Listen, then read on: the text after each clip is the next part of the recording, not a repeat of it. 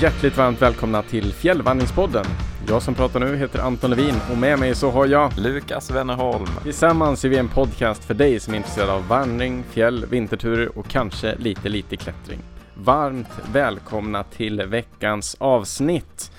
Och Lukas, nu sitter vi här igen. Mm. Nu har vi ju spelat in ganska tajt de här veckorna, eller vi spelade in förra veckan senast och ofta så brukar vi ha lite mer avstånd mellan inspelningarna men Det blir ju så när man planerar dåligt. Ja, precis, men, eh, men eller bra. Ja, men eller bra, eh, ja.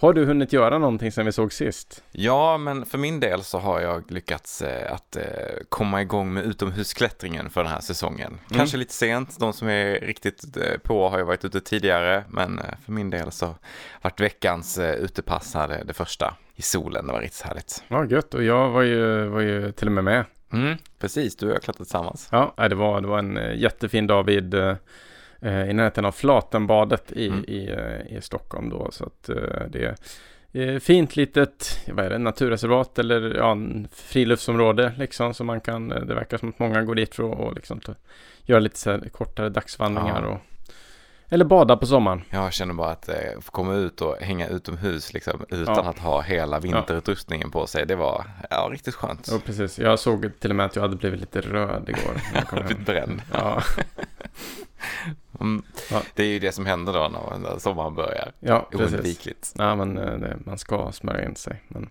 sen så tänkte jag, jag tänkte också på en annan sak med tanke på vårt förra, förra avsnitt där vi pratade om eh, eh, säkerhetsutrustning och sådär. Ja, Och det var ju att vi konstaterade igår att vi glömde vår första hjälpen-utrustning. Ja, Ingen riktigt- utav oss hade med något sånt. Eh, och det kan ju vara bra när man är ute och klättrar och eh, ja, saker kan ju hända va? Den bör alltid följas med. Om inte annat så är det bra med ett litet plåster för skrapade fingrar och brister och annat. Jo, precis. Det får vi påminna oss själva i framtiden att vi ska, ska börja göra. Men du har, du har börjat tänka lite inför sommaren också? Ja, jag har ju tänkt att jag ska göra en lite, ha, vara ledig lite längre i sommar och åka ner till Alperna och klättra och vandra och ha det gött i Mm. allmänhet. Och eh, eftersom vi ska borta lite längre så, så har jag börjat planera lite för var vi ska bo och, och sådär. Hittills i alla fall så verkar siktet vara inställt på, på Chamonix under en, en längre tid. Härligt. Jag har ju också tänkt ta mig till Chamonix. Jag känner ändå att jag vill ha en, åtminstone en vecka i svenska fjällen, så någonting Mm. där ska jag hitta på. Jag är lite sugen på kanske Padjelantaleden, kanske Lapplandsleden, kanske något annat. Vi får se. Ja. Och det kan vara så att en vecka inte räcker. Tänkte du vara ute flera veckor i sträck eller två stycken eh, kortare turer då? Jag kan ju tänka mig, ja men göra Padjelantaleden till exempel. Ja. Lär ju, den lär ju nästan ta en vecka, tänker jag. Jag lär ju ändå göra den lite fortare än vanligt, troligtvis. Den Tänkte lär... du springa den eller tänkte du vandra Ja men den? någon blandning. någon blandning? Ja. Mm. Precis, men den lär ju ändå ta en, en stund liksom. Jag har lite grejer i Kebnekaise-området jag är sugen på att åka och kika på till exempel. Klättermässigt då eller? Ja, men dels det, men också lite så här, eh, ja men lite liksom vandringsleder kan man säga, eller mer avancerade vandringsleder. Mm. Ja, men till exempel den här drakryggen skulle jag vilja kika på och eh, ta mig över. Den har jag ju hört är väldigt fin. Ja, Och precis. Kräver ingen utrustning heller så då kan man ju gå Nej. riktigt lätt. Det kan vara bra att testa den så jag kan komma tillbaka till ett annat poddavsnitt och säga att nej men den kräver utrustning. Eller, Exakt, Eller eller inte. ljuga. ja, precis. Nej men, nej, men så att den, den är jag lite sugen på och sen så är jag också sugen på att eh, kolla vilken led som då Ja, vad hette första bestigaren nu igen? Rabot, Mm. eller Rabot. Eh, vilken väg han tog upp och hur den ser ut. Om det går att göra den. Liksom eh, känna historiens vingslag Ja. upp där. På den östra sidan av Kebnekaise. Sen om snöläget liksom fortfarande är så att det är möjligt att gå upp den vägen eller om det är... Jag tror att det ska gå upp. Jag har tittat på lite bilder från folk Mm. som har varit där. Sen så måste man ju ta sig en ganska bra bit över eh, glaciären på den sidan. Mm. Så man behöver ju sannolikt ha någon med sig för det är ju en av Sveriges större glaciärer och risken för glaciärsprickor och sådär kan vara ganska stor. Ja, då bör man ju vara inknuten och två personer åtminstone. Ja, precis. Men jag är ändå lite sugen för att det är nämligen så att i sommar så fyller den leden 130 år. Så att det är liksom 130 år sedan som Kebnekaise första gången blev bestiget. Så att det är ett, det är ett historiskt år. Inte så att den fyller superjämnt. Nej. Men det är ändå liksom ett jubileum. Så. Ja, ja. Jämna årtal är alltid värda att fira. Ja, Mm. det, det har jag funderat lite över. Men sen så, jag har ju sett fler Facebook-annonser Är det de här eh, förbaskade vandringskitten igen? Ja, inte mer sådana i alla fall. Nej. Jag har fått annonser riktade mot mig som så här självuppfällbart tält. Åh. Decathlon har ju ett själv liksom eh, stadgande tält som bara som är som en ring som du liksom poppar ut. Ett Ja, pop-up tält. ja. Det säljs ju för att man typ ska tälta i väldigt enkla förhållanden eller typ festivaltält. Ja, men det funkar ju bra på en camping. Liksom. Ja, precis. Eh, och jag tror, jag tror inte de eh, försöker liksom övertyga någon. Nu har inte jag läst dera, deras beskrivning av det här tältet, men jag tror det få som försöker knöka ner det där i ryggsäcken och Ja. liksom, ut och vandra. Jag misstänker att de här stängerna inte mår så bra av att vikas några gånger till. Nej, precis. precis. Men det här, det här är liksom ett tält som, eh, alltså det, fälls ihop eh, totalt. Det är liksom, det är liksom med, med, vad ska man säga? Men är det som att ha färdiga väggpaneler som viks ihop? Nej, alltså det är, det är ju tyg, men Ja. det är, sj- själva bågarna är ju liksom vikbara. De har som axlar i sig. Ah, ja, ja, okej. ja, ja. så det fälls ihop mot mitten. Mm.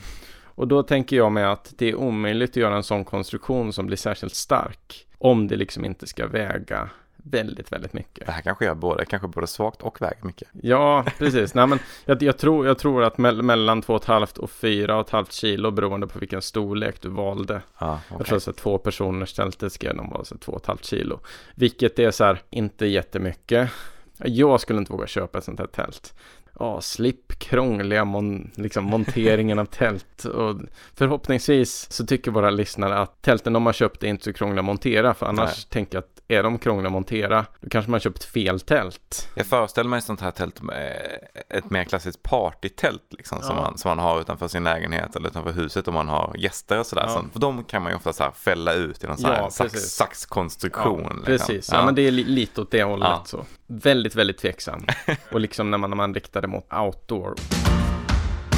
Min stora mardröm på det här området, Shady vandringsgear på Facebook, det är ju liggunderlag. Ja. Man, man ser liggunderlag med så här inbyggda kuddar från början och självuppblåsande. De, de två liksom, delarna, då brukar jag bli tveksam. För Mm. att ja, men de seriösa stora tillverkarna, eh, absolut, deras utrustning kan vara väldigt dyr. Men de hittar sällan på sådana lösningar. Och eh, jag undrar vad det är som gör liksom att ett väldigt litet företag kan liksom hitta på en produkt som skulle vara så mycket bättre än, än de här stora företagen med väldigt mycket pengar. Jag föreställer mig att det är en, eh, en white label-produkt man har hittat. Vad, vad, vad betyder det? Alltså att det är en generisk tillverkare som Ja. säljer ett liggunderlag utan ett märke på. Jo, precis. Det här är ju en, ett Kina-tillverkat liggunderlag som Ja. de bara betalar för att få sin logotyp tryckt Exakt. på. Och så, Ja. så kränger de den. Och för några år sedan så skrev jag en, eh, ett blogginlägg som jag kallar för svartlistan. Där jag svartlistade massa företag som gjorde sådana här liksom shady liggunderlag. Mm. Och liksom beskrev dem som the number one outdoor sleeping mattress. Eh, och så här, ja de är otroligt lätta och de, de funkar året runt. Jag tittade på typ tio olika sajter, sålde exakt samma liggunderlag, men de vägde olika mycket. De hade olika R-värde, alltså hur, hur varma, varmisolering de hade och eh, de var lika stora. Det blir så- Det är någon som bara hittat på lite värden och skrivit ja, under. Ja, det är så jättekonstigt när Ja. liksom, ja men det, det är samma tillverkare för allihop. Håll ögonen öppna där ute. Många av de här företagen, de håller inte koll på sina kommentarsfält, så man kan alltid skriva en lite, en lite frågande kommentar. är den här typen också, man kan se att eh, de visar hur hållbart sitt uppblåsbara liggunderlag är genom att det så här, kasta ut det och, eh, och, och åka ner från en kulle på det eller något liknande för att visa hur stabilt det är. Visa mig när ni skjuter en pil i det. Så. Och, och det klarar sig, då vet man också att det är tveksamt. Precis. Nej men sen har ju vi en liten gemensam grej också. Det är ju, vi har ju fått eh, låna en ryggsäck av Lundhags. Ja, Nu ska vi se så att jag säger rätt. En eh, Padge Light tror jag den heter. Ja. Och det har ju liksom, ja men under 2022 hösten varit lite av en snackis i en del eh, forum på nätet och sådär som en, en ny produkt där liksom, ja men Lundhags testar att göra en lite lättare ryggsäck. Så vi har fått den för att testa. Jag har testat den ett litet tag och nu är det Lukas tur så att vi kommer i något avsnitt framöver prata lite om den här ryggsäcken och våra erfarenheter med att ha testat den. ja. Med det så har det börjat bli dags för en eh, topplista. Det var ett tag sedan vi hade en. precis. Och eh, eftersom du Anton har hängt efter de här dåliga annonserna på Facebook, det har blivit lite av en följetong nästan, så tänker jag att det finns ju faktiskt eh, en hel del bra grejer med, med sociala medier och hänga i olika vandringsgrupper och hålla koll på diverse saker som finns där ute. Så jag tänkte att veckans topplista den ska rikta sig till fem härliga personligheter som man hittar i de här olika Facebook-vandringsgrupperna och andra outdoor-fokuserade vandringsgrupper. Så jag tänker att vi, vi går väl i, som alltid när vi kör vår topplista från botten.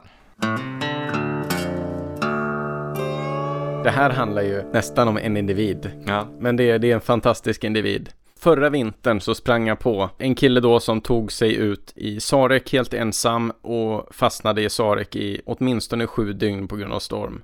Grävde sin bevack, satt där nere och kommunicerade via sin inreach, liksom sin, sin satellittelefon med räddningstjänsten och kunde inte ta sig ut. Och han har, han har liksom filmat det här och delat med sig av det här och hur det här ensliga, hemska livet är. Och man kan se det här. Jag, jag ska försöka hitta hans uh, Instagram kanske, så kan, vi kan tagga den på vår Instagram så att ja. ni kan uh, följa den här lilla storyn. För det är en väldigt intressant liksom, följetong om hur man klarar sig fastän man inte såklart man inte planerat för att vara fast i liksom en vecka i en bivack helt ensam. Uh, så den här då, som vi kallar det, galna vinterturen, en fantastisk eloge till honom och att han bjuder på sig själv och ja, det är ju inget misstag han begår utan han gör ju allting helt rätt helt enkelt. Men eh, ja. Vi är glada att vi får följa den här typen av historier. Det är väldigt ja. roligt att se och höra. Precis. På fjärde plats så har vi utrustningstestarna. Jag kan tänka mig att det är många av er här ute som känner igen er att det finns några eldsjälar som är riktigt bra på att här, testa olika typer av utrustning. När det kommer en ny ryggsäck från något märke eller det kommer ett nytt liggunderlag från eh, det senaste av det är ett specifikt liggunderlagsmärke eller något liknande så är det direkt någon som ska köpa in det och eh, ta sig ut och sover några nätter i tält med det omedelbart oavsett vilket, eh, vilken tid på året det är och eh, genast försöker att eh, skapa en review på, på Facebook eller liknande. Och det här är ju för alla oss som är superintresserade av ny utrustning tycker ju det är jätteroligt att läsa det här. Det är både kul att se när, när det kommer ris och ros mot nya grejer. Ja, så att de, de tackar vi mycket för att de finns där ute. På tredje plats, man skulle kunna kalla dem för 40 kilos packarna. Ibland så springer man ju på de här människorna som eh, har varit ute och vandrat med liksom en ryggsäck på upp mot 40 kilo. Och då börjar man ju undra, men hur fan orkar du? Det är jätteimponerande. Mm. Men också, hur gick det till? Hur blev packningen 40 kilo? Det måste ju åtminstone vara ett par vinflaskor i glas i den där packningen, men det räcker ju inte riktigt. Nej, det är verkligen, men det ska ha mycket saker med. Ja. Men jag tänker att man kan leva ett riktigt bra lyxliv på, ja. när man är ute med så mycket grejer. Det är ju ja. oftast nice med mycket grejer, bara att man, förutom när man släpar på dem. Ja, precis. Jag tänker liksom det måste vara fyra personers tält, eh, ja, murika. Precis, en murikan är ju med. Kanske en gjutjärnsgryta som man kan laga god mat över elden en stekpanna, inte orimligt. Nej. Nu tänk, så att jag tänkte här på första Sagan om ringen-filmen, när hobbitarna går där och har liksom stekpannor hängandes på ryggsäckarna. Jaha, just det, kling, tingeltang, så, ja, som en julgran som så här klingar. Liksom. Ja. Ja, vi tycker i alla fall att det är väldigt roligt när de här personerna eh, delar med sig av sina, eh, sina erfarenheter på sociala medier och försöker att också säga vad som finns i deras packning. Ja. För det, det är kul att se. Ett block med parmesan. Ja, ja fast det har jag också alltid med mig. Ja.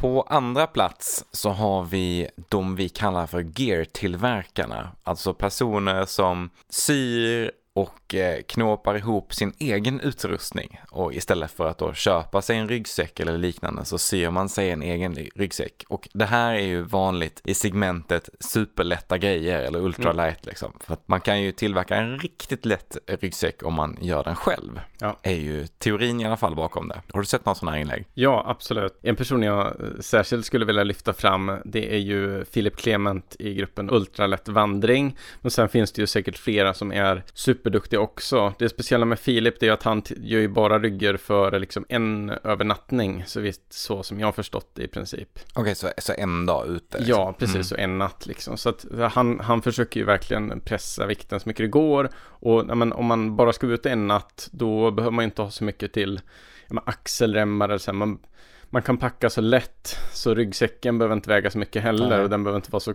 komfortabel. Så han, hans ryggsäckar är, ser väldigt speciella och ja men ibland ser de väldigt bekväma och ibland inte alls ut. Eh, men, men jag tror man kan säkert lära sig ganska mycket av vad han gör, men det finns ju väldigt många andra som också gör väldigt innovativa eller produkter som är faktiskt ser ut som om de kom från ett liksom, stort märke. Aha, ja, det är häftigt att se.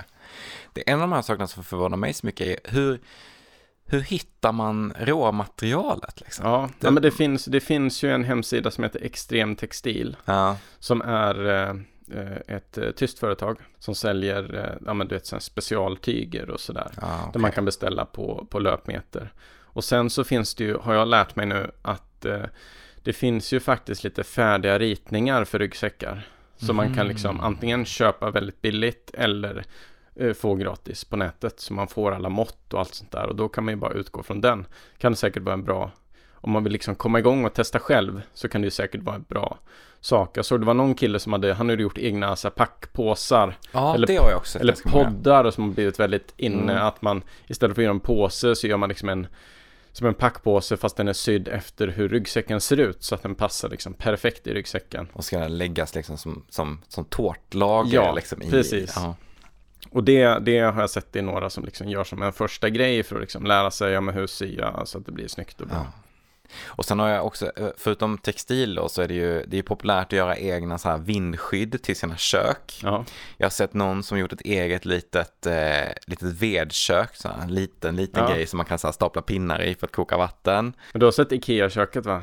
Nej, det har jag Det finns ju ett, så här, vad heter det, bestickställ som vissa gör om till ett litet vedkök. Ja, oh, det har jag missat. Ja, oh, det är ju genialiskt. Ja.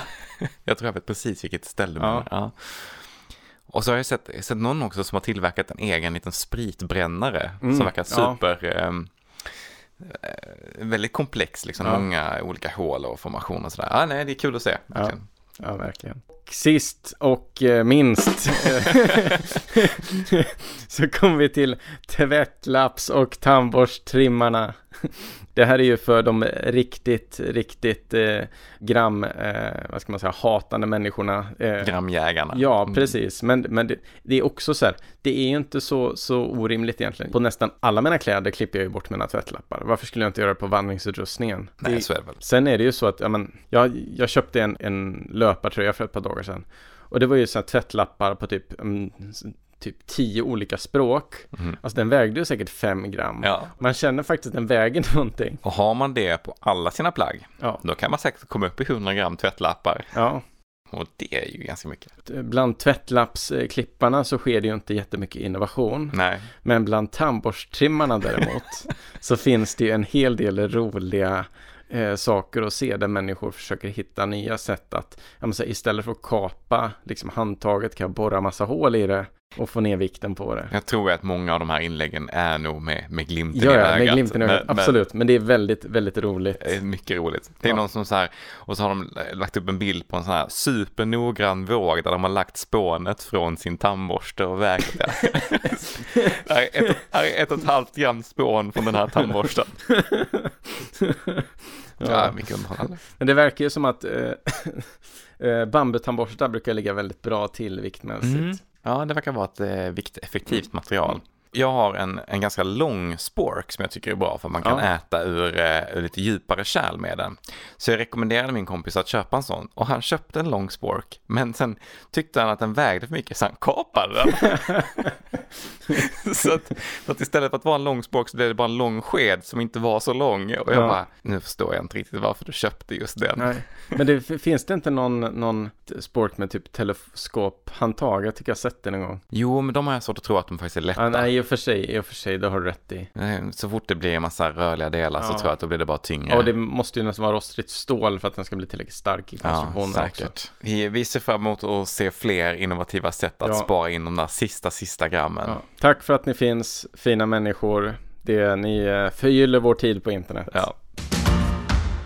Och eh, med det så kommer vi in på veckans huvudtema. Och den här gången så tänkte vi att vi ska prata lite om mat och att äta och tillaga mat och sådär på fjället. Jag och Anton, vi, vi har ju ganska olika strategier för hur, för hur vi äter och framförallt vad, kanske vad vi äter ute till kväll, Så jag tror att vi kan vi kan se två, få en ganska spännande diskussion här med två helt olika infallsvinklar. Och jag vill, jag vill också säga det att jag är ju avundsjuk på dig. Ja. på hur mycket du orkar engagera dig. Det, det är också så.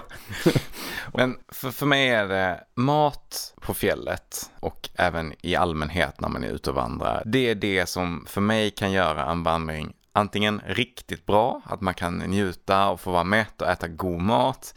Eller så kan en vandring bli eh, riktigt eh, kämpig om man har för lite eller inte så god mat med sig. Att det, blir, ja, det, det kan för mig verkligen vara en make or break för en, för en bra utetur. Liksom. Och min känsla är också att det är väldigt blandat.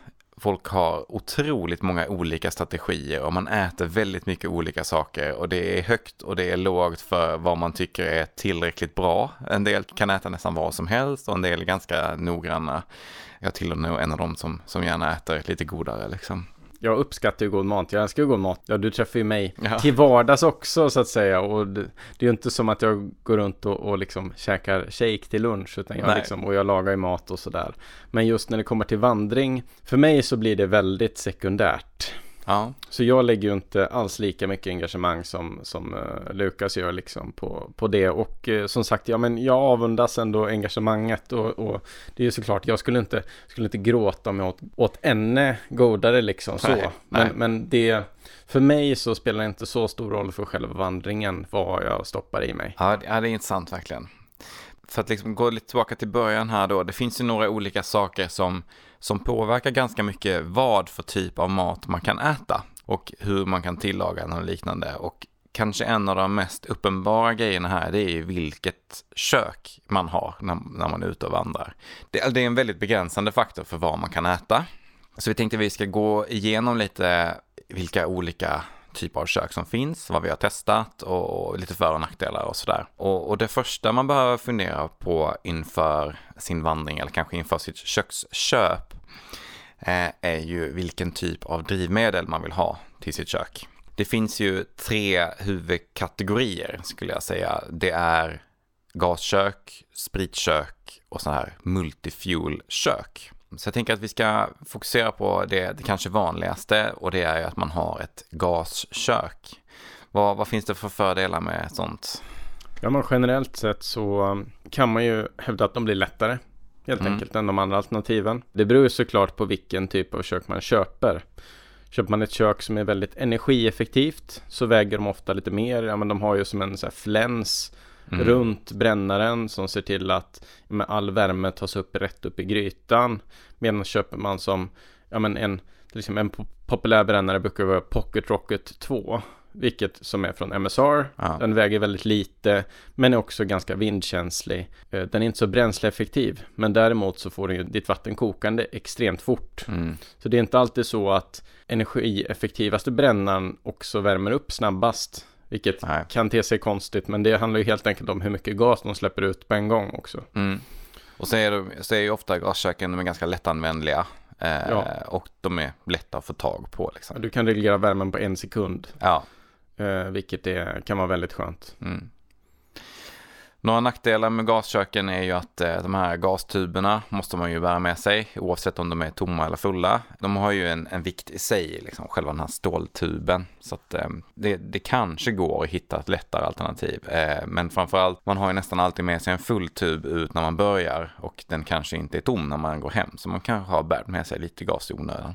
Gastuberna kan ju vara lite jobbiga att hantera. Men de flesta är ju så att ja, men har man tömt dem så rekommenderas det ju att man eh, punkterar dem mm. med till exempel ja, en spik eller någonting. Och då kan man faktiskt slänga dem i metallåtervinningen.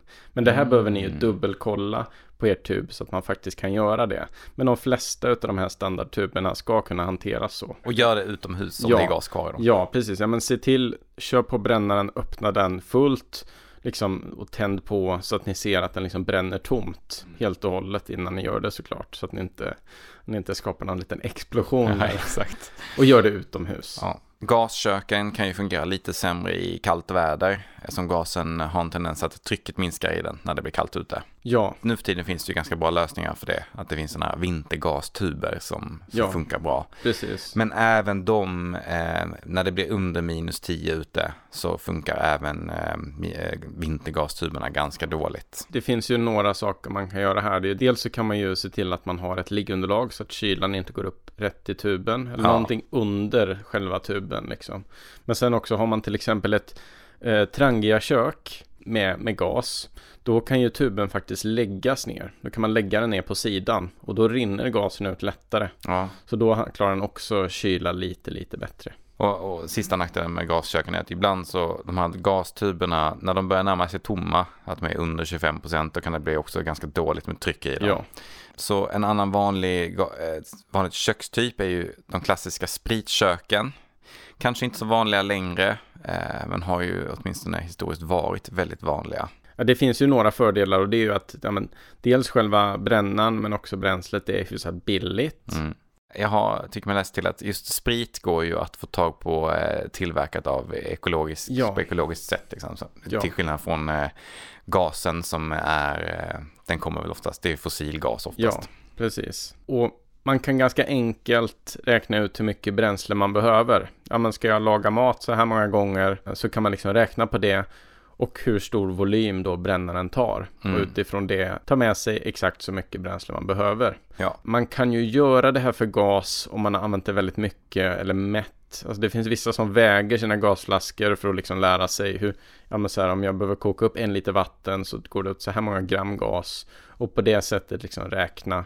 Men det är, det är ju ett ganska omständigt sätt. Mm. Det är ju fördelen med sprit att det är väldigt mycket lättare att räkna på hur mycket som kommer gå åt. Eh, men några, några av nackdelarna med, med eh, spritköken är att de har ganska låg effekt. Det tar lång tid att koka upp vatten. Det kräver en hel del bränsle så man måste oftast bära med sig ganska mycket sprit ut om man är ute en längre tid. Och så kan det ju vara lite slabbigt att hålla på med spriten. Liksom. Ja. Det är ganska lätt spilla när man ska hälla upp och sådär. Och jag tänker också det här med att den måste brinn, brinna klart. Ja, det är jobbigt också. Ja. Ja. Vissa, vissa kanske man kan liksom eh, stänga, jag vet inte. Jag tror man kan det, men de måste ju fortfarande kylas ner. Ja. Liksom, sådär. Och sen finns det ju sådana här eh, multifuel-kök. Eh, det är ofta en speciell brännare som antingen står på backen eller som passar till exempel i ett trangiakök eller liknande. Och de kan man eh, köra både med gas, med sprit, bensin och vissa kan man även till och med köra paraffin, alltså lite tjockare oljor och sådär. Eh, de har ju en klar fördel och det är att det är lätt att få tag på bränsle till dem. Ja. Eh, överallt. Eh, och det brukar skrivas om det på, på internet som att den stora fördelen är om man inte får lov att resa med gastub till exempel Mm. om man flyger. Då kan man ju ta med sig sitt, sitt multifuel-kök och så kan man köpa bensin på plats Ja. eller sprit eller annat. Men nu skulle jag vilja säga att det är ganska få ställen man inte kan köpa gas på. Men, Ja. eh, men det finns väl några kanske. Jo, precis. Jag tänker det är väl framförallt om man eh, reser någonstans där det finns en, en lite sämre infrastruktur för turism, Mm. tänker jag. Annars eh, fördelen med multifuel-kök, de har ju väldigt hög effekt Ja. ofta. Eh, eftersom när de bränner till exempel bensin så kan man ju få ut riktigt mycket energi ur dem. Ja. Så det kan ju gå ganska fort att koka upp vatten eh, och det går, går nog ganska bra att liksom laga lite mer avancerad mat, så här, steka saker och, eh, och sådär. Det här köket är ju den stora vinnaren på vintern. Ja. Det är riktigt låga temperaturer och sådär. Det här är ju köken som används på liksom Mount Everest Mm. och, och på liksom, ja men bergsexpeditioner. Just för att man kan använda bensin som inte är lika känsligt för temperaturen. Jag har en liten anekdot runt det där. Jag har ett sånt här multifuel-kök och eh, har använt det en del på vintern. Och en av de stora nackdelarna som jag upptäckt när man smälter snö så får vattnet en härlig petroleumsmak. För att liksom, avgaserna från bensinen har en tendens att liksom ta sig in i, i, i vattnet så att, så att det smakar lite. Det här kan vara för att jag Ä- Även med lock. även med lock, ja. Ja. Eller vi, så här, vi har ju haft ett Tranga-kök då, så har vi Ja. lagt lock, eh, vänt upp och ner på locket och lagt Mm. det på liksom. Men ändå så har liksom avgaserna letat Mm. sig in i, eh, i vattnet. Så att det, ja, det, det har inte varit så nice. Eh, Nej. och här finns det säkert bra metoder för undvika Mm. det. Men när man är ute till fjälls och upptäcker det för sent så, så kan man få gå en vecka med Ja. petroleumvatten. Mm. Så att, eh, ja, det, det är någonting som jag fick lära mig. Några andra snabba nackdelar med multifuel-köken, de är ju ganska tunga på grund av att de behöver en speciell flaska för att förvara eh, bränslet i. Och även själva brännaren är ganska tung för den behöver kunna hantera många olika typer av bränslen. Sen kräver de också ganska mycket underhåll. Eh, själva hålet där bränslet sprutar ut har en tendens att sota igen. Mm. Så att, eh, och det kan även sota igen ner längre ner. Liksom. Så de kräver underhåll ganska ofta. Och det var en sak vi glömde nämna vid spritbrännarna. Att där kan man ju också råka på den här sotningen. Då är det oftast eh, grytan man eh, lyckas få sot på. Ja. Om man har dåligt bränsle. Mm, just det. Men har man en bra gas så brukar det inte vara ett problem. Nej. Sen kan man också säga att eh, om man kör bensin så kan man räkna med att eh, grytorna blir väldigt sotiga. Mm. Vilket ju är lite jobbigt att hantera. Sådär. Det är lätt att bli helt svart om händer och handskar. Och så är det ju såklart lite slabbigt att hålla på med. Eh, med de olika bränslena och sådär. För att den här, den här, den här flaskan som man fyller på, den, eh, den måste ju fyllas på lite då och då. Ja. Och, eh, och då måste man ha en annan flaska med mer bränsle i. Ja. Och att flytta över kan vara lite slabbigt. Det vet man ju själv från liksom när man tankar att det är omöjligt att inte liksom få bensin eller dieseldoft på händerna när man tankar bilen. Ja, ja. Och då är man ju ändå ganska långt ifrån munstycket. Det är ju inte så att man tar på det. Nej, Ja, men det, det är lätt att få på sig det eller, eller k- kladda runt med det. Ja. Så.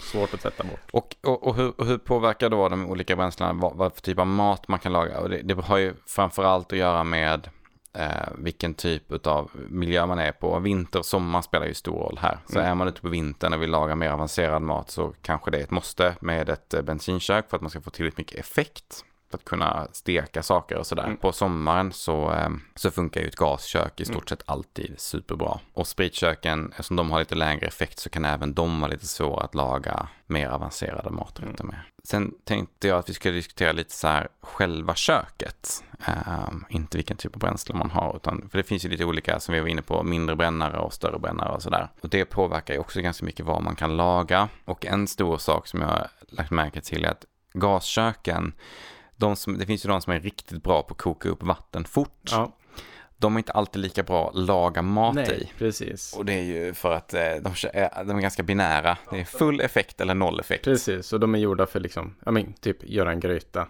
Ja. Ja. Eh, Så det är ganska lätt att råka bränna maten och sådär. Så det är svårt att steka i och liknande. Men här finns det lite hybridmodeller. Det är en, en brännare som är gjord för att koka vatten men som även går att reglera lite mer noggrant. Eh, Jag har ett sånt kök och jag tycker det är ganska trevligt. För det går att det går ganska bra att liksom koka pasta i och koka ris i utan att det riskerar att bränna och sådär. Jo men precis, man vill ju kunna ha på den, ja, men, när man har på den liksom lägsta effekten och det fortfarande brinner. Mm. Så ska liksom, så ska det inte bränna fast. Nej, precis. Eh, Man precis. ska kunna sjuda maten.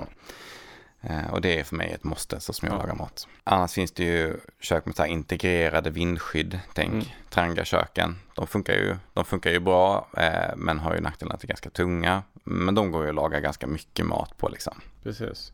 Men däremot, däremot så tycker jag ju att Trangas eh, grytor och eh, även den här stekpannan är ganska bra. Ja, ja, de är jättebra. Jag tycker också de är superbra. Och de går ju att köpa lösa också. Så Ja. att man kan kombinera dem med andra kök. Så när man har valt sitt kök så eh, har man helt enkelt satt sina begränsningar för vilken typ av mat man kan äta. Har man då valt ett kök där man bara kan koka upp vatten så sätter ju det ganska stora begränsningar. Då eh, kanske det bäst lämpar sig för mer frystorkade matpåsar eller liknande. Gröt, Gröt ja, till frukost. Bullens stilsnäckkorv. Ja.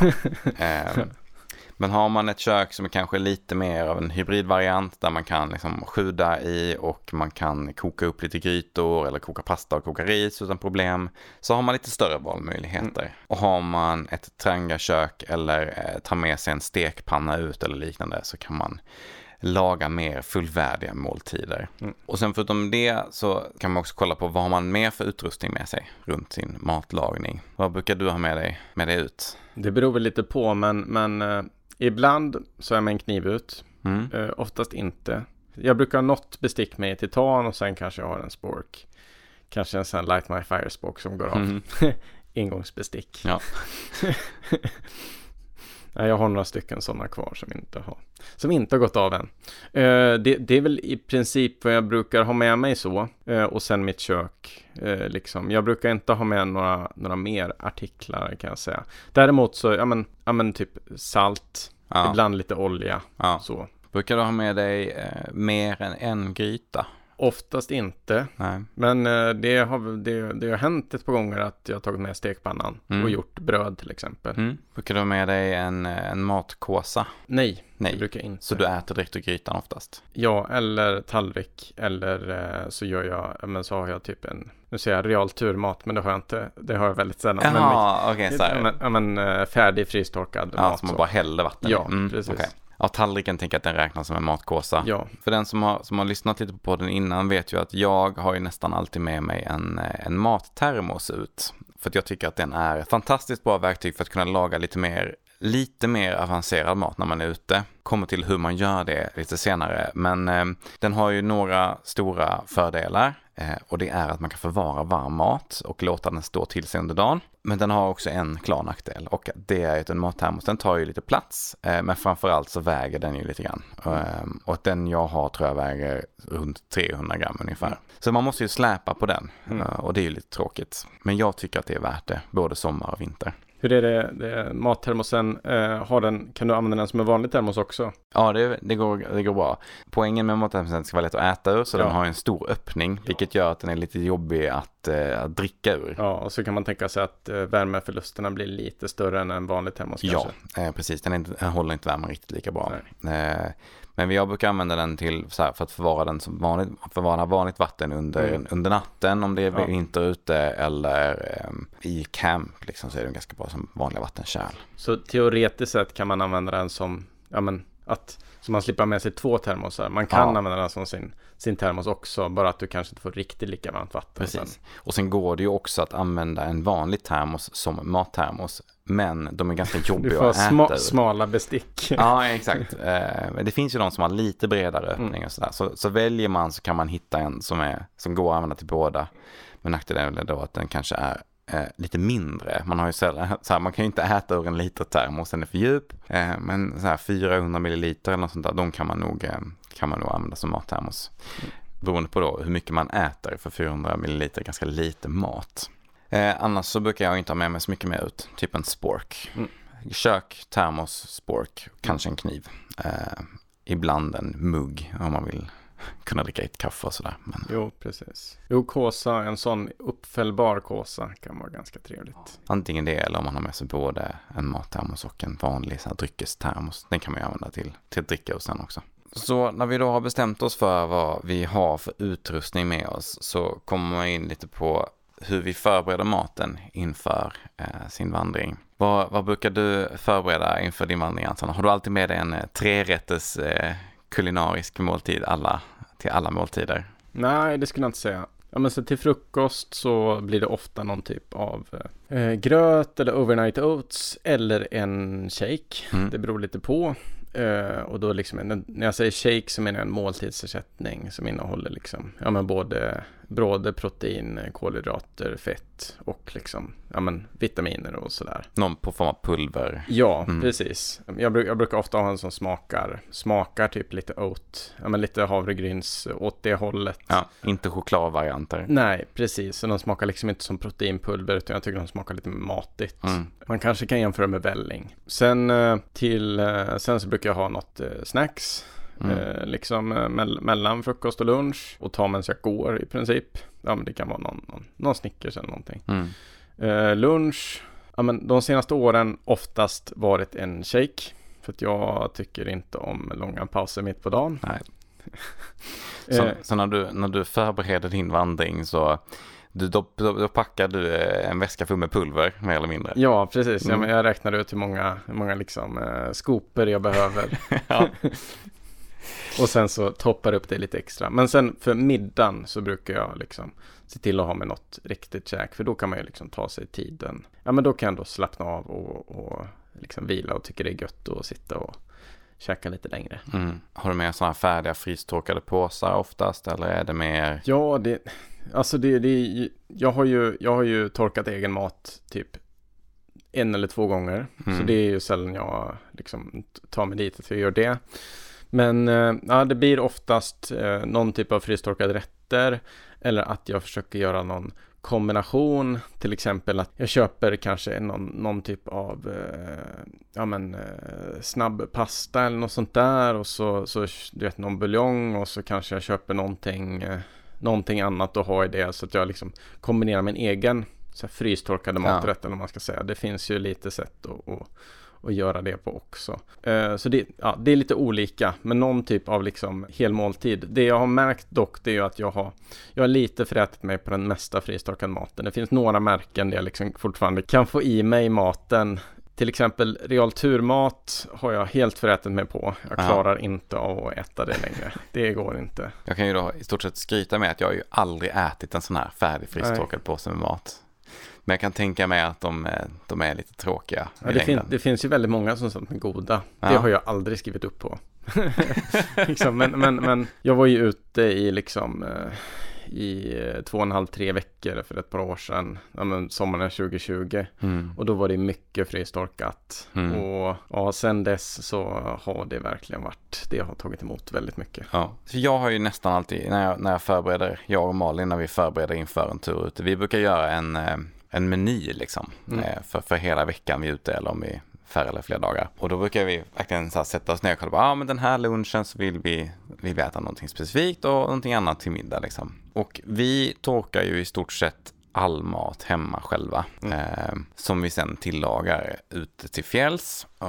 Gör ni det separat som en egen grej? Eller gör det i kombination med maten ni ska äta själva till vardags också så att ni liksom gör en ex, några extra portioner och så torkar ni ena och äter andra, eller hur? Lite blandat. Ja. Eh, vissa rätter går ju jättebra att torka direkt, mm. eh, men andra kanske lite svårare att torka ja. direkt. Men, men, ibland gör vi så att vi bara lagar lite extra, lite, ja. ett klassiskt storkok och, och, kok, och torkar det. Men det som vi har insett som är ju fantastiskt är ju att i stort sett all vanlig mat man lagar hemma går ju att torka.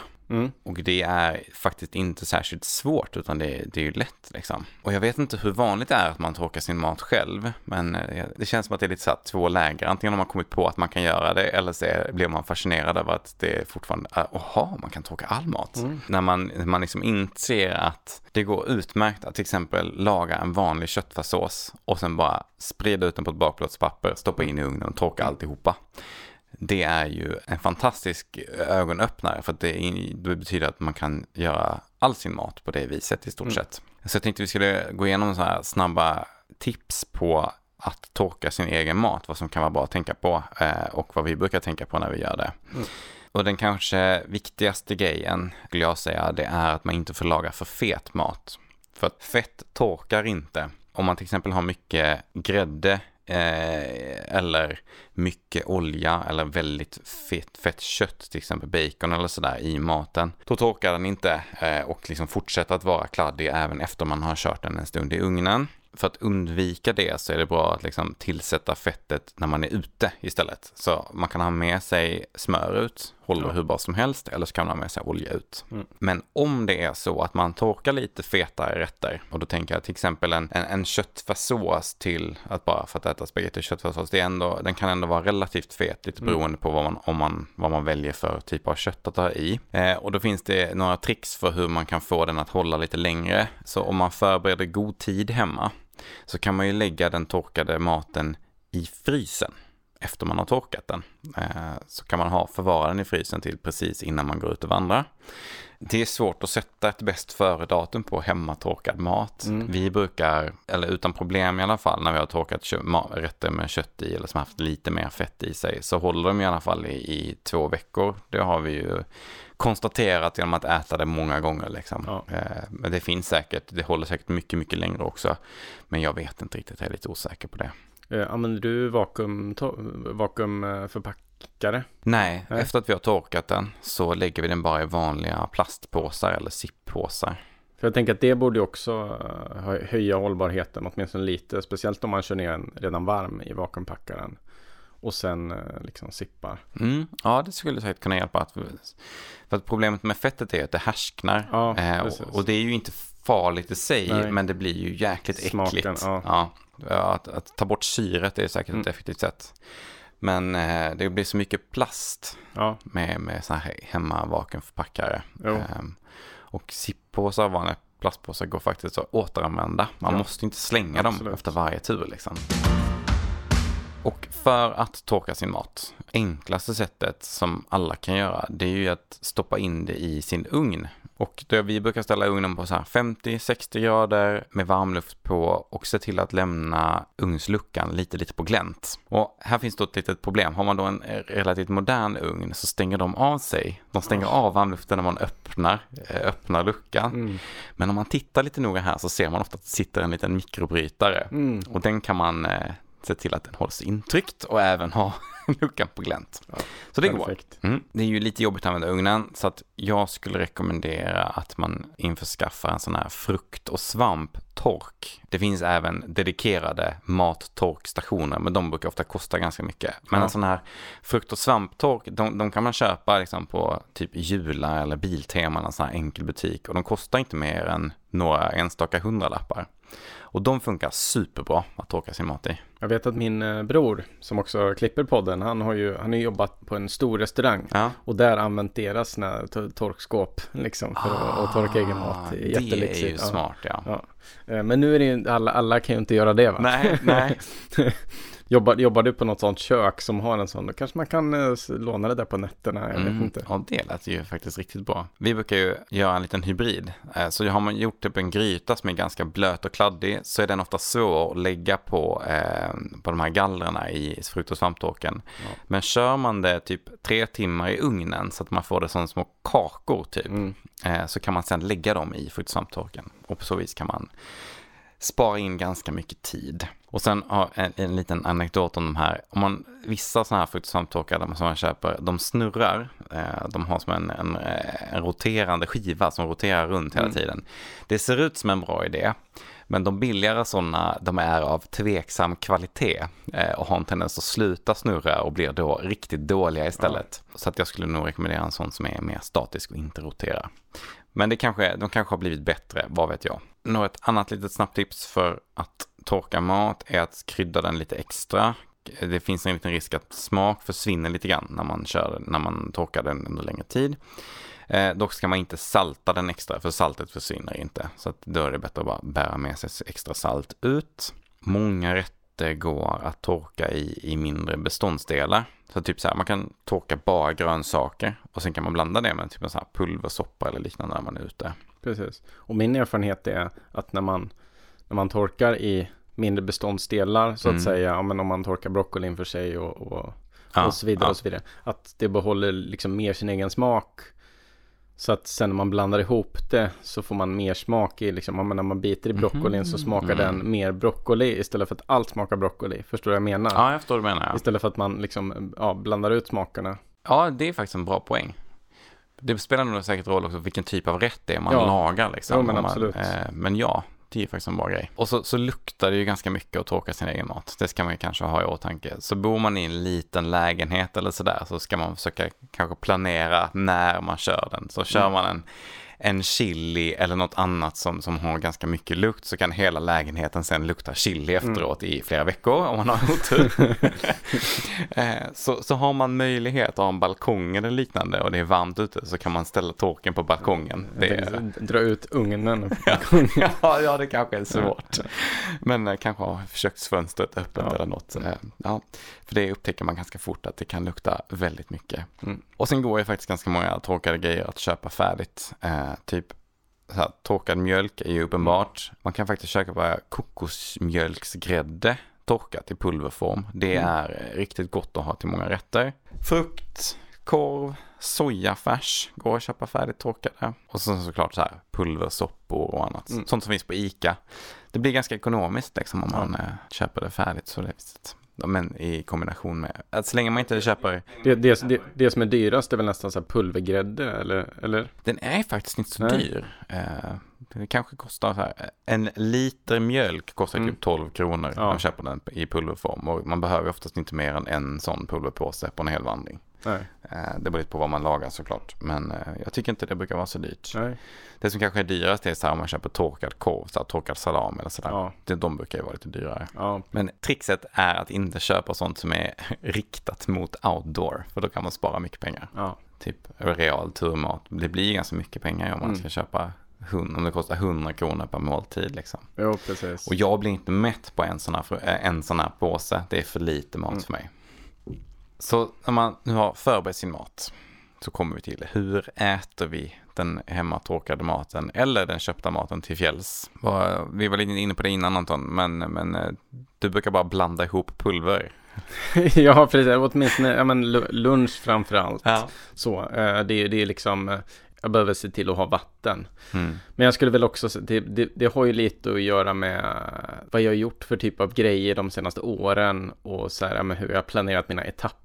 Jag planerar ju hur långt jag vill ta mig per dag och att jag vill tälta på en plats där jag tänker att nej, men här är det fint att tälta eller här är en Mm. bra plats att tälta liksom och här kommer jag till vatten. Och då så kanske det är en ganska ansträngande liksom dag och då vill inte jag liksom att ja, men, två timmar ska gå bort för lunchen Nej. mitt på dagen. Ja, men så, om jag kan få lunchen till att ta 30 minuter istället Mm. och då kan jag liksom sitta ner majoriteten av de 30 minuterna. Så Mm. det är allt jag behöver se till att ha det är vatten. Och ibland så blir man ju tvungen att Kallt eller varmt? Eh, kallt Ja. eh, funkar för den här shaken. Middagen, då är man ju framme vid den där fina tältplatsen och då kan man unna sig något lite mer lyxigt. Just det. Och här kommer vi då till magin med att ha med sig en mattermos. Ja, Och det är ju att man kan ju få båda här. Man kan få Ja. riktig mat som är varm och tar 30 minuter att Ja. äta.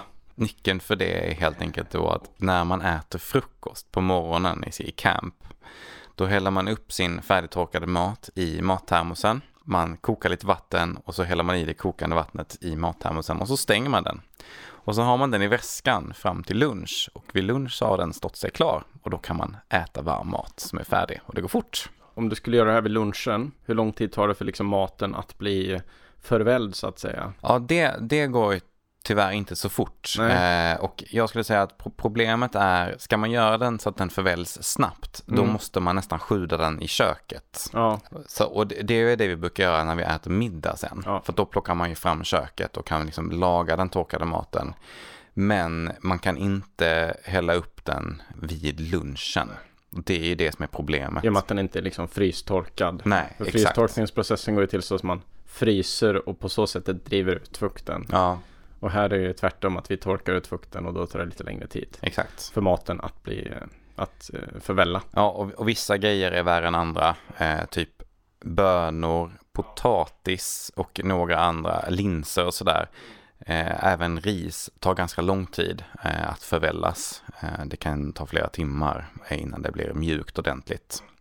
Eh, och det är därför det är då smidigt att göra det på frukosten liksom, och låta den stå till sig. Men som sagt, nackdelen är ju att man måste släpa på maten hela Ja. dagen. Eh, så det väger ju, vad kan, vad kan en mattermos fylld med mat kanske väger Mat. 600-700 gram liksom. Jo, precis. Maten lär ju väga en 500 gram. Ja, kanske. ja. Det är typ vatten, vikten i vatten kan man räkna på ungefär.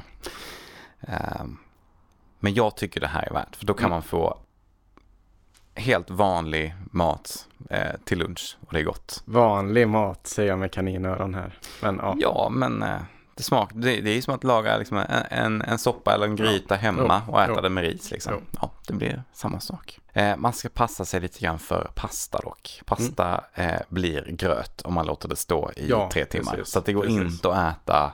Den kan vara bra att ha separat. Ja, man kan ha den separat eh, i typ en matlåda eller sådär om Mm. man kokar den på morgonen. Lite mer jobb såklart. Mm. Eh, men eh, jag skulle inte låta den stå och dra. Jag har provat det här flera gånger och Mm. hoppats att den här gången kanske det funkar. Eh, Men det blir oftast inte sådär jättebra. Dock så här torkad tortellini, Mm. den går helt okej att göra så här med. Den blir lite grötig. Ja, Men den går ändå att äta efter att ha stått sig färdig under förmiddagen. Eh, så det var lunchen. Men, och, och till middagen när man lagar maten. Har man då med sig så här självtorkad mat så kan man ju bara förvälla den och sjuda den i sitt kök. Eh, och då är det ju bra att ha ett kök som det faktiskt är lämpligt att sjuda grytor i och sådär utan att det bränner. Men i övrigt så är det ju inte så svårt liksom. En grej som kan vara bra dock är att ha med sig mer än ett kärl. Så om man har en gryta med ris till så är det ju bra att Mm. ha någonstans att förvara riset medans, medans man gör grytan eller tvärtom. Mm. Men du brukar ha med dig en tallrik typ eller? ja men jag har någon så här, eh, någon så här uppfällbar eh, ja, tallrik slash eh, ja, skål Ja. frå, från eh, MSR tror jag. Ja, Precis.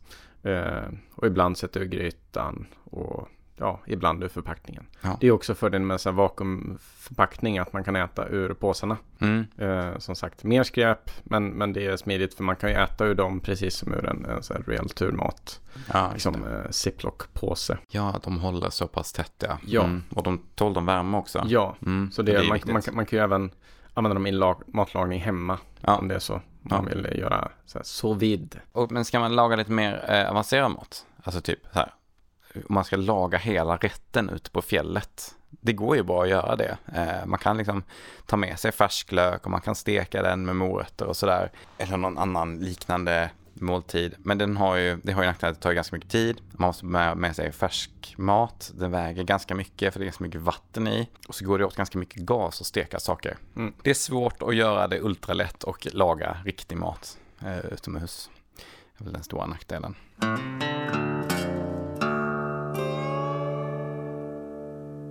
En färsk sak som slog mig nu när vi sitter här och pratar, det är ju som, som inte väger så mycket, men som ändå kan lyxa till det lite. Det är till exempel eh, rucola eller eh, spenat. Mm. Det väger ju inte så mycket och det håller ju ändå ett par dagar skulle jag säga, Ja. liksom i, i en sån påse. Så köper man det och liksom eh, pressar ut luften och sätter, en, sätter någon typ av, av klämma så att man inte får in massa luft. Så håller det ändå ett tag och då kan man ju liksom få lite, ja men färska grönsaker i alla Ja, fall. på, om man. Ja. om man skulle vilja ha det. Eh, och det, en sån här påse väger inte så mycket och skulle ju räcka för ett, ja, men ett eh, gäng måltider i alla fall. Mm. Så det är ju någonting jag bara kom på så här ur, ur luften. Ja, ja, men det är bra. Det är, vissa, en, en hel del sådana här färska grejer håller ju ändå i ett, två dygn och ibland Ja. fler liksom. Eh, några, några sådana är ju, jag brukar med mig ibland lite bröd och Philadelphia ut. Typ, Ja. För Philadelphia håller typ i tre, tre dagar kanske. Mm. Så kan man äta den om man vill ha lite mer så här till frukost eller Ja. Jordnötssmör är ju populärt. Ja, det håller ju hur länge som helst. Ja, det är perfekt. Eh, Kan man ju liksom smörja in eh, hälarna med om man får skånsa också. exakt, eller är liksom i värsta fall. Ja, precis. I värsta fall. Ehm, Men annars kan det vara toppen att typ med sig eh, så här tacobröd i Mm. mm. tacobrödspåsar. För de är ju också, de är ju redan konserverade Ja. ska säga, så de håller ju hur länge som helst. Lite tyngre men eh, superbra. Man kan ha med sig bacon. Det Mm. håller också ett antal dagar ute i värmen. Eh, man kanske ska vara försiktig att inte låta det ligga för många dagar. Mm. Men det är väl de här natriumsalterna som gör att det håller så länge. Ja, det är väl liksom en från början konserverad produkt. Precis, Mm. det är ganska salt liksom, så det håller ju bra.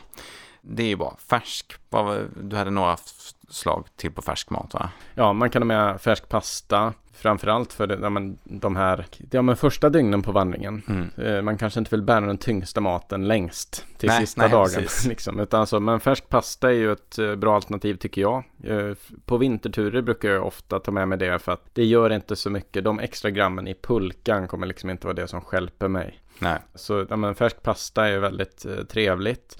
Sen finns det ju även idag så snabbkokande ris. Mm. Som är liksom i, i, en, i en förpackning som är som en liten, eh, det är som en kaka.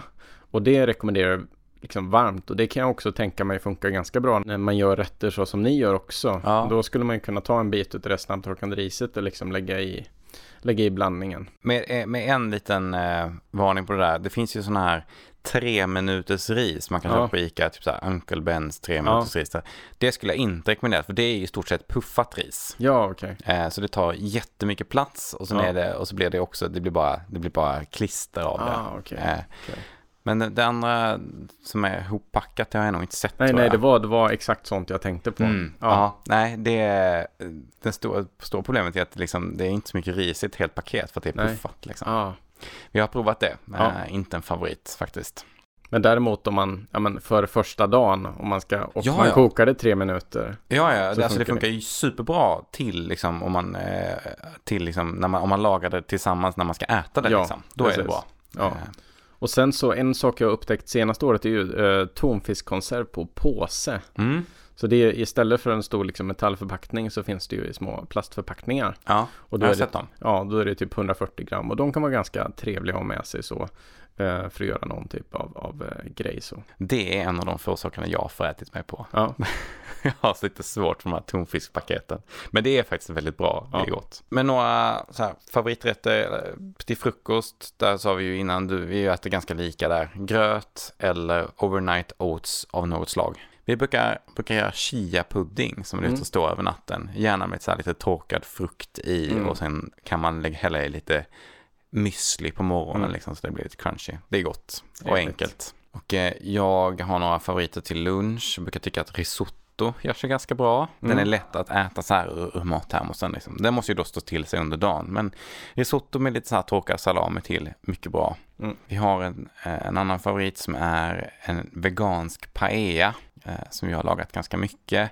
Det är ett recept från en, eh, en hemsida eller en kille som heter Jävligt Gott. Funkar superbra att torka. Och det, han, har, han har ju jättemånga eh, liksom, roliga recept Ja. man kan rekommendera. Alla vegetariska Ja, eller veganska. verkligen superbra. Många av dem går bra att, eh, går bra att tillaga på fjället Mm. på det här viset. Bönchili, också gott. Gärna då med de här eh, tortillabröden med sig. Mm. Mycket bra. Och annan så här vanlig potatis och löksoppa i diverse olika eh, sorter är också perfekt. Liksom. Det är Mm. bra på vintern, framförallt när det är kallt Mm. så vill man gärna ha något som är rejält varmt. Liksom. Då är olika så här potatissoppor och liknande bra. Så man bara lägga till något så att man får i sig tillräckligt mycket med näring och annat. Riva i ordentligt med parmigiano. Exakt. Mm. Ja, parmesanost, alltså det kan man inte ha med sig för mycket utav. Till, eh, till middag så tycker, har jag några favoriter. Tycker, jag- jag gillar ju köttfärssås och spaghetti, så det tycker, framförallt utom, ute på fjället så är det fantastiskt. Och eh, anledningen till att det blir en middag är just för att pastan helst, den står sig ganska dåligt till. Den blir inte så bra när man tillagar den till lunch, så Mm. därför vill man gärna koka den på kvällen då. Alltså här viltskavsgryta eller älggryta har jag gjort många gånger. Mm. Med, det är väldigt gott. Kan man äta, äta med sån här pulvermos eller så kan man ha torkat eget, Ja. eget potatismos eller så här, liksom krossad tomat, potatis. Vilket väljer ni? Faktiskt lite blandat, Eh, Ja. men jag undviker gärna den här pulvermosen. Ja, mm. eh, Så att jag har ganska många gånger gjort egen potatismos som jag Ja. torkat hemma. Men den tar ganska lång tid att tillaga. det. Eh, Men det är gott. Annars så här pastarätter med grönsaker och gräddig sås och så här. Det går att göra massvis med goda grejer. Mm. Och så det viktigaste av allt. Man måste ju ha med sig mycket snacks ut. Ja, precis. Det är ju det som håller, håller eh, kroppen och, hjärnan liksom eh, pigg Ja. under dagen. Så de här små, små mellan, eh, mellanmålen. Ja, jag brukar ofta med mig Snickers, det är en go-to staple food för mig. Ja. Och ja, hemgjorda bars, jag har Mm. gjort några gånger. Både med, här med, med typ dadlar som bindemedel och, och liksom nötter och, och choklad och, och Ja. sådär. Men jag har också gjort ja, men liknande flapjacks. Mm. Typ som, eh, tänker att man gör en granola men har mer, eh, har mer socker i helt enkelt. Så att de håller ihop lite ja, grann. Ja. precis. Eh, och jag tycker ju också om uh, flapjacks tycker jag är eh, jättetrevligt. För att den har liksom, den har både långa och korta kolhydrater. Mm. Nötkräm, en liten så uppstickare. Som man kan ha i, i bröstfickan. Eh, och klämma i sig och framförallt för att det är väldigt, väldigt billigt. Eh, de kostar ju typ två kronor styck. Är de så billiga? Ja, så att Mm. de, är, de är väldigt billiga och eh, ja, men, har man inte förätit sig på dem så ja, men de är ganska goda. Dock så tycker jag att de är inte goda om det är kallt. För då blir de väldigt trögflytande. Jaha, det blir Eh, mer Ja, då, då, fasta. Ja, de smakar mer liksom, det blir mer som att käka fett. För att ja, men socker, sockret kommer liksom inte ut. Nej. Det, det har liksom stelnat och då Okej. så, så, det blir liksom som att ta, käka smör med kakao i eller någonting. Ja. Mm. Ja, det blir jättekonstigt. Eh, men sen nötter, jag gillar så här, ja men typ, jag vet OLB har någon så här honung och salt som jag tycker Ja. är väldigt, eh, väldigt goda. Har Eh, också med mig alltid en stor nötpåse Ja. ut. naturgodis. Och sen så har du fört upp någonting här. Jag, alltså jag, gillar, jag, jag är ju ett stort fan av så här bara vanligt godis. Ja, Gärna, gärna så här någonting med mycket färg som bara Ja. smakar syntetiskt. Jag är Ja. ett ganska stort fan av det. Så det brukar jag med mig. Bara van- Jelly vanligt beans. godis. Nej, exakt. Nej. Nej. Men jag, min, eh, min stora favorit är sura S typ. ja, Ja, de mm. brukar jag alltid ha med mig ett, ett antal påsar av ut. ja, så har vi den, eh, den magiska frågan. Hur mycket gas och bränsle brukar du ha med dig ut för en vandring Anton? Hur länge räcker en tub? Och jag är ju jag är jättedålig på det här. Men jag skulle säga att ja, men de här mellantuberna, eh, vad många gram de nu är. 230 tror jag. Ja, så kanske med. Jag skulle säga att på sommaren så räcker en sån tre dagar. Mm. Eh, och sen liksom, när man ska ut, vara ute längre än tre dagar, då eh, köper jag en större. Mm. Ska jag vara ute, ja men kortare än det så köper jag en sån här superliten. Ja. Och min lyx det är ju att jag, ja, men i och med att jag har en campervan, så de här slattarna som blir över, Antingen så, jag vet att en del de eh, för över gasen till en annan flaska. Det finns sådana munstycken. De är inte så sä säker, säkra. Nej, det är så, så vi kan liksom inte gå i god för dem, men det finns de som gör det. Eh, men jag sätter ju in mina slattar i mitt kök, i min, eh, i min liksom husbil och mm. använder dem där. Mm. Så jag kan bli av med dem.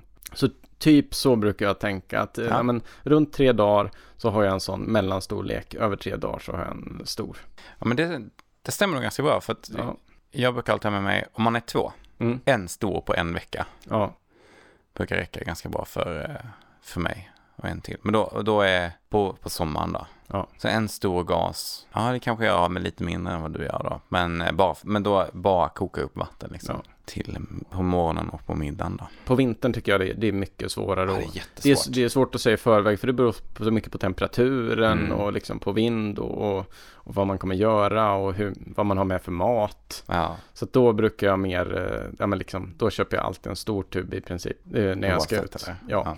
Jag har alltid lite, lite så små ångest över ja. att gasen ska ta slut på ja. vintern. Det har aldrig hänt. Men... men... på sommaren kan man åtminstone alltid få tag på vatten. Ja. Så att man, man kan ju åtminstone tänka bort det här med att koka vatten. På vintern så har, måste man liksom till att bränna dubbelt så att säga. Jag måste ju smälta snö hela ja. tiden. Ja, det tar ju väldigt mycket gas. Mm. Har vi några mer tankar kring att äta? Ja, ja, precis. Det är ju det här med att vi ska, vi, vi stoppar i oss massa mat. Och vad är liksom då syftet med den här maten? Jo, det är ju att vi ska ta oss fram. Vi ska mm. ta oss i mål. En vuxen person, eh, de kräver ju för normal aktivitet, alltså en vanlig dag, ungefär 2000 till 2500 kalorier i energi per dag. Eller kilokalorier om ja. man ska vara riktigt, riktigt noggrann. Men under vandring, då förbränner vi betydligt mer. Mm. Jag skulle nog säga att de flesta, beroende på intensitet såklart, så är det inte orimligt att tänka sig att vi förbränner någonstans runt kanske 3500 kalorier eller ännu mer. Mm. För en hel dag vandring med packning. Och då kan det vara bra att fundera över om man vill vill man liksom täcka sina basala behov, ja men det man behöver för att fungera i princip. För typ 2000? Eller? Ja, ja, eller, eller i, i vissa fall kanske ännu mindre till och med. Ja. Det är väldigt individuellt vilka basala energibehov man har. Och man kan också tänka sig att ja, men, så här, jag räknar med att tappa vikt på den här vandringen. ja, så. Och det tror jag faktiskt är ganska vanligt. Eller om man vill liksom fungera optimalt och täcka den förbränningen vandringen bidrar till, mm. så att säga, med energi, sitt energiintag. Och jag har, jag har ju testat båda de här. Och det finns väl några saker man kan tänka på. Och det är att ja. det är ganska svårt att äta ikapp sig.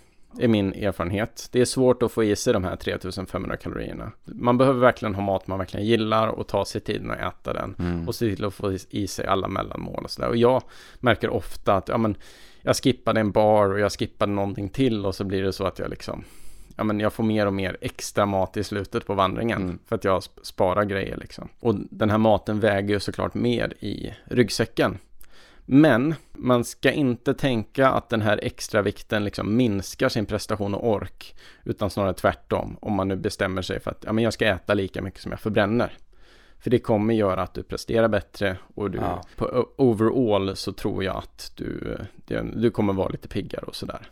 Det är nog, ja, jag, jag känner absolut så att försöka sikta på att äta så att man alltid så att man känner sig nöjd och ganska mätt. Liksom. Ja, och då har precis. man ju antagligen fått i sig ungefär det man har gjort av med. Om man alltid känner sig nöjd. Ja, det kan vara så. Eh, men det är också så att, ja men i och med att vi förväller maten så blir den mer volumös. Ja, fast är det bara vatten i det, då är man ju hungrig 30 minuter senare igen. Jo, men, jo ja. så är det väl. Men ja, jag tror att det är ganska sällan jag lyckas komma upp i, i det liksom jag förbränner. Mm. Ja, men, det är så är Men sen ska man också tänka på att det, ja, men det är ingen fara att en, en kort tid eller ja, så gå på ett underskott. De flesta märker kanske inte ens av det.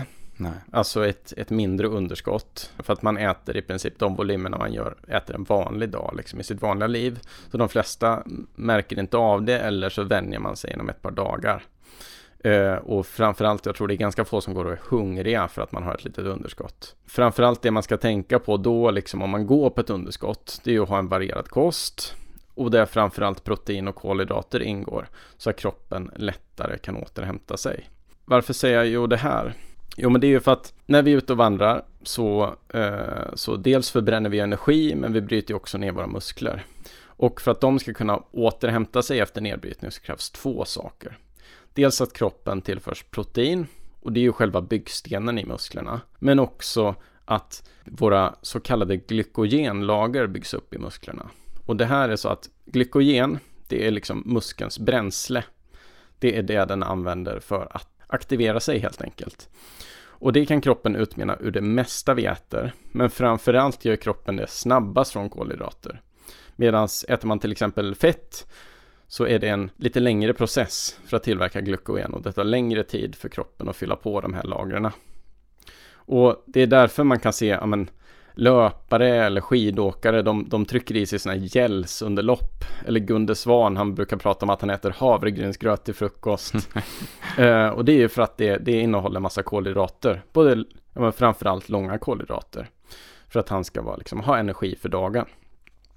Och en kombination av långa kolhydrater till måltider och kanske lite medellånga och korta vid pauser så kan man liksom hålla hålla energinivån jämn över dagen. Mm. Och nu menar jag inte jag att liksom man, ska, man ska överdriva det här. Att man liksom ska bara ha massa kolhydrater hela dagen. Utan jag menar att man ska ha en balanserad kost. Men det kan vara bra att tänka på att man behöver ha lite kolhydrater. För att eh, musklerna framförallt ska återhämta sig lite bättre. Och proteinet, det funkar på samma sätt. Men vill man ta något extra protein någon gång under dagen så skulle man sikta kanske runt middagstid. För att under hela perioden då vi sover så får ju kroppen inte i sig något protein. Och då är det bra att se till att ha lite extra för kroppen att ta utav under natten när den ska återhämta sig. Mm. Och anledningen till att jag inte nämner fett specifikt här, det är för att fördelen med fett, det är att de flesta utav oss har ett ganska stort lager. Alltså även en ganska smal människa har ett ganska stort lager av, av fett räknat i liksom kilokalorier på kroppen. Så det är inte så att man kommer liksom svälta ner sig på fettsidan så att säga. Eh, så kroppen kan ju fylla det behovet. Däremot så är ju fett väldigt trevligt att ha i maten just för det att gott. det, ja, det mm. tillför ju massa smak. Så det är mm. inte så att jag säger att ni inte ska med i fett. Jag tycker absolut att ni ska med i det. Tänker man sig att man ska tappa vikt under en vandring, då kan det vara bra att tänka att ja, men kolhydrater och protein är viktigt att få med sig för att kroppen inte ska bli svagare också efteråt, utan för att liksom bibehålla den funktionen så bra som möjligt. Bra, viktigt att tänka på. Jag har också sett här, mycket torkad mat har ju brist på C-vitamin. För den, den, verkar, den överlever inte riktigt torkningsprocessen. Ah. Så jag läste i många så böcker att ja, man ska ha med sig lite C-vitamin. Eller... Man kan ha så järn och C-vitaminstabletter kanske? Ja, det kan man ha. Eh, men annars kan man ju köpa, man kan köpa rent C-vitamin. Ah. Askorbinsyra ah. brukar det ju kallas. Mm. När man köper det på ICA. Men min reflektion runt det är lite så här också, är man ute i en vecka det gör ingenting. Man kommer inte få skörbjugg. Nej, Nej, det gör ingenting att ha att kosten Nej. inte innehåller alla näringsämnen när man är ute en kortare tid. Liksom. Så att Men däremot, vi brukar, jag brukar ja. alltid skippa det ja. där. Liksom. Men jag tycker alltså en brustavett som smakar äh, ja, apelsin kan vara ganska trevligt på vandring. Ja, precis, istället för bara att dricka vatten. Ja, precis. Så det är liksom som en måltidsdryck. Så. Så det, det är inte så att jag till vardags uppskattar det så mycket. Men, men när man är ute på vandring så det blir ändå något annat. Synd att det inte finns brustabletter som smakar Cola Zero. ja, ja. ja, det, varit något. Ja, precis. Det är nästan, de skulle bli, de skulle bli jättedyra tror jag. Bara för att de kan sätta sin logotyp på ja. så kostar de tre gånger så mycket som Säkert. Ja. Och de skulle säkert sälja jättebra. Ja.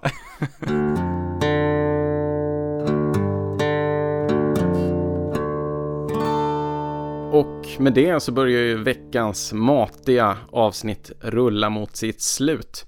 Har ni specifika ämnen ni vill att vi tar upp i framtida avsnitt eller vill ni ställa frågor till oss, hör av er till oss på Instagram, at fjällvandringspodden. Och glöm inte heller att prenumerera på den här podden i ditt flöde. Vi som gör den här podden heter Anton Levin och Lukas Wennerholm. Ni kan hitta oss under samma namn på Instagram. Om du uppskattar det vi gör, sprid gärna ordet om den här podden så att vi kan fortsätta prata om vandring från våra vardagsrum.